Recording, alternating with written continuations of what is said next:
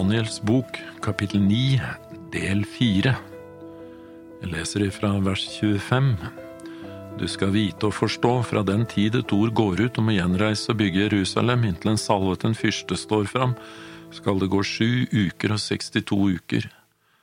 Det skal igjen settes i stand og bygges med gater og vollgraver, men under tidenes trengsel. Du skal vite og forstå. Guds budbærer sier det, at vi skal vite og forstå. I en bibelkommentar jeg har, så står det følgende om Gabriel sin forklaring her i Daniel 9.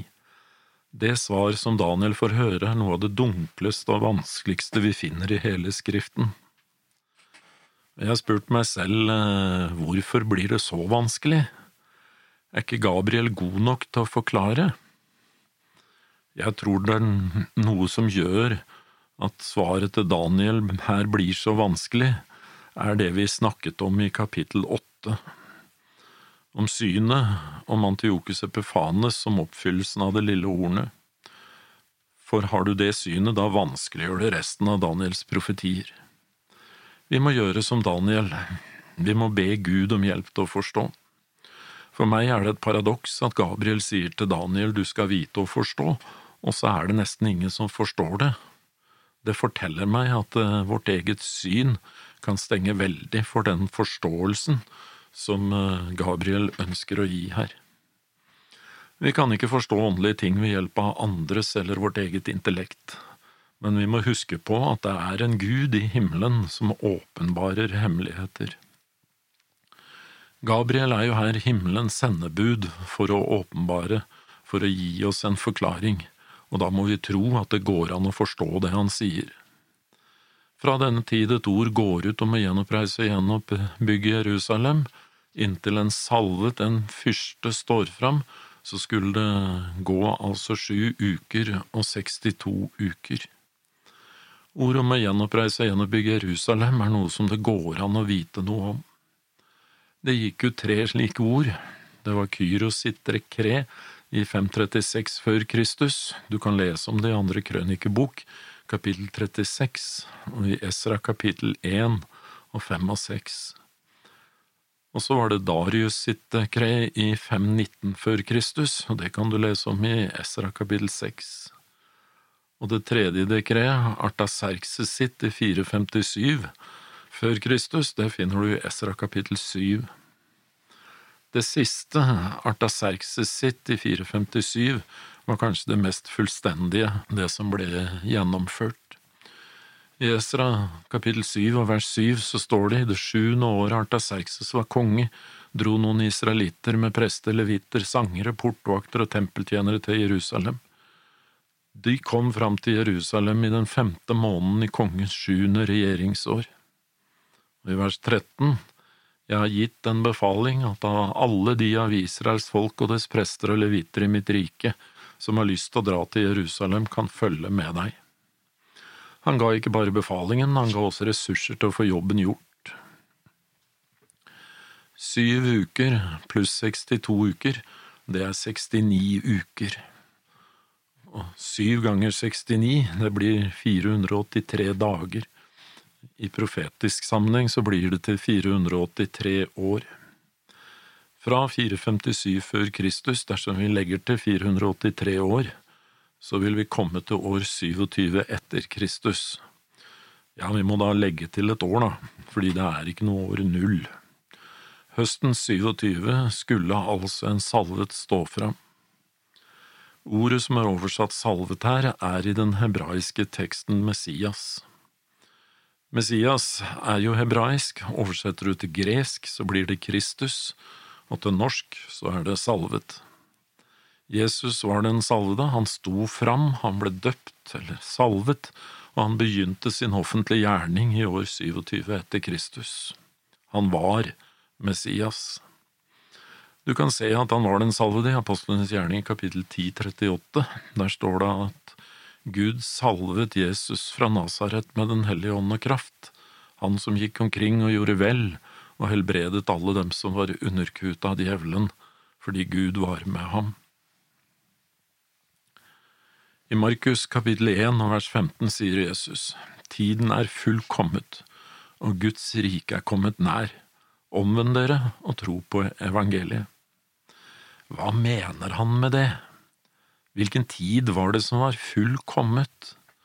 Det var de 69 ukene som var utløpt. De burde da ha forventet at den salvede Messias sto fram, og jeg mener det var en stor Messias-forventning på den tiden. Men de hadde en feil forståelse av Messias sin oppgave. De trodde han skulle komme som konge og kaste ut romerne, derfor forkastet de Jesus.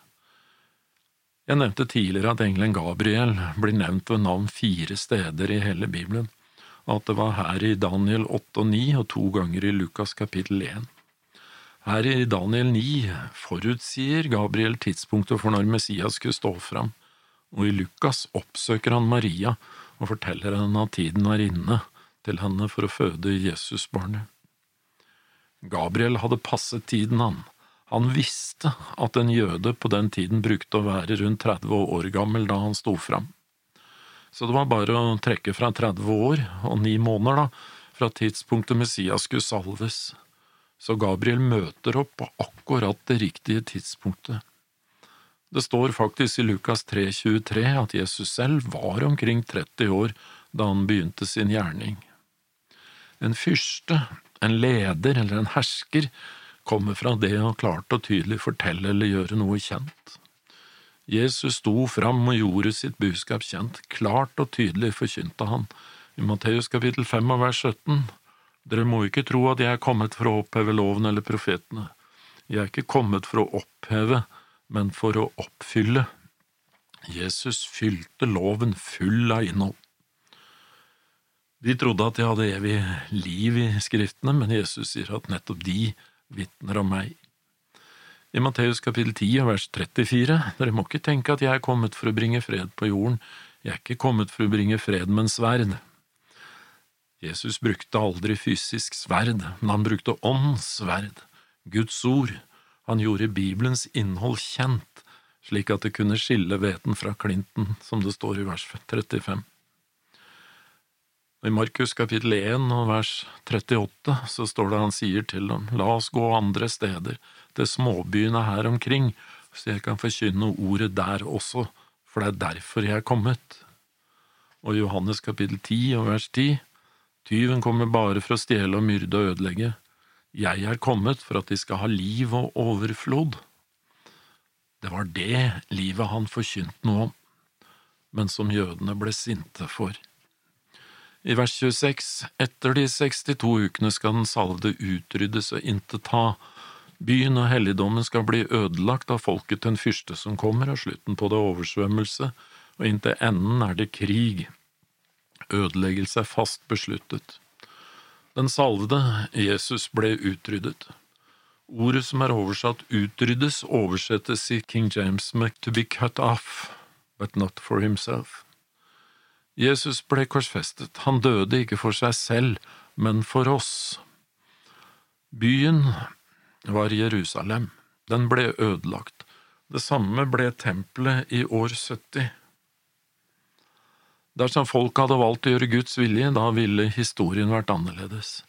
I stedet ble landet oversvømt av romerne, og krig og ødeleggelse fulgte.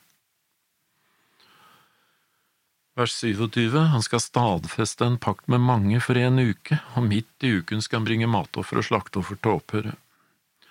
Stadfeste, det betyr å gjøre pakten gyldig. Hittil var pakten bare et løfte.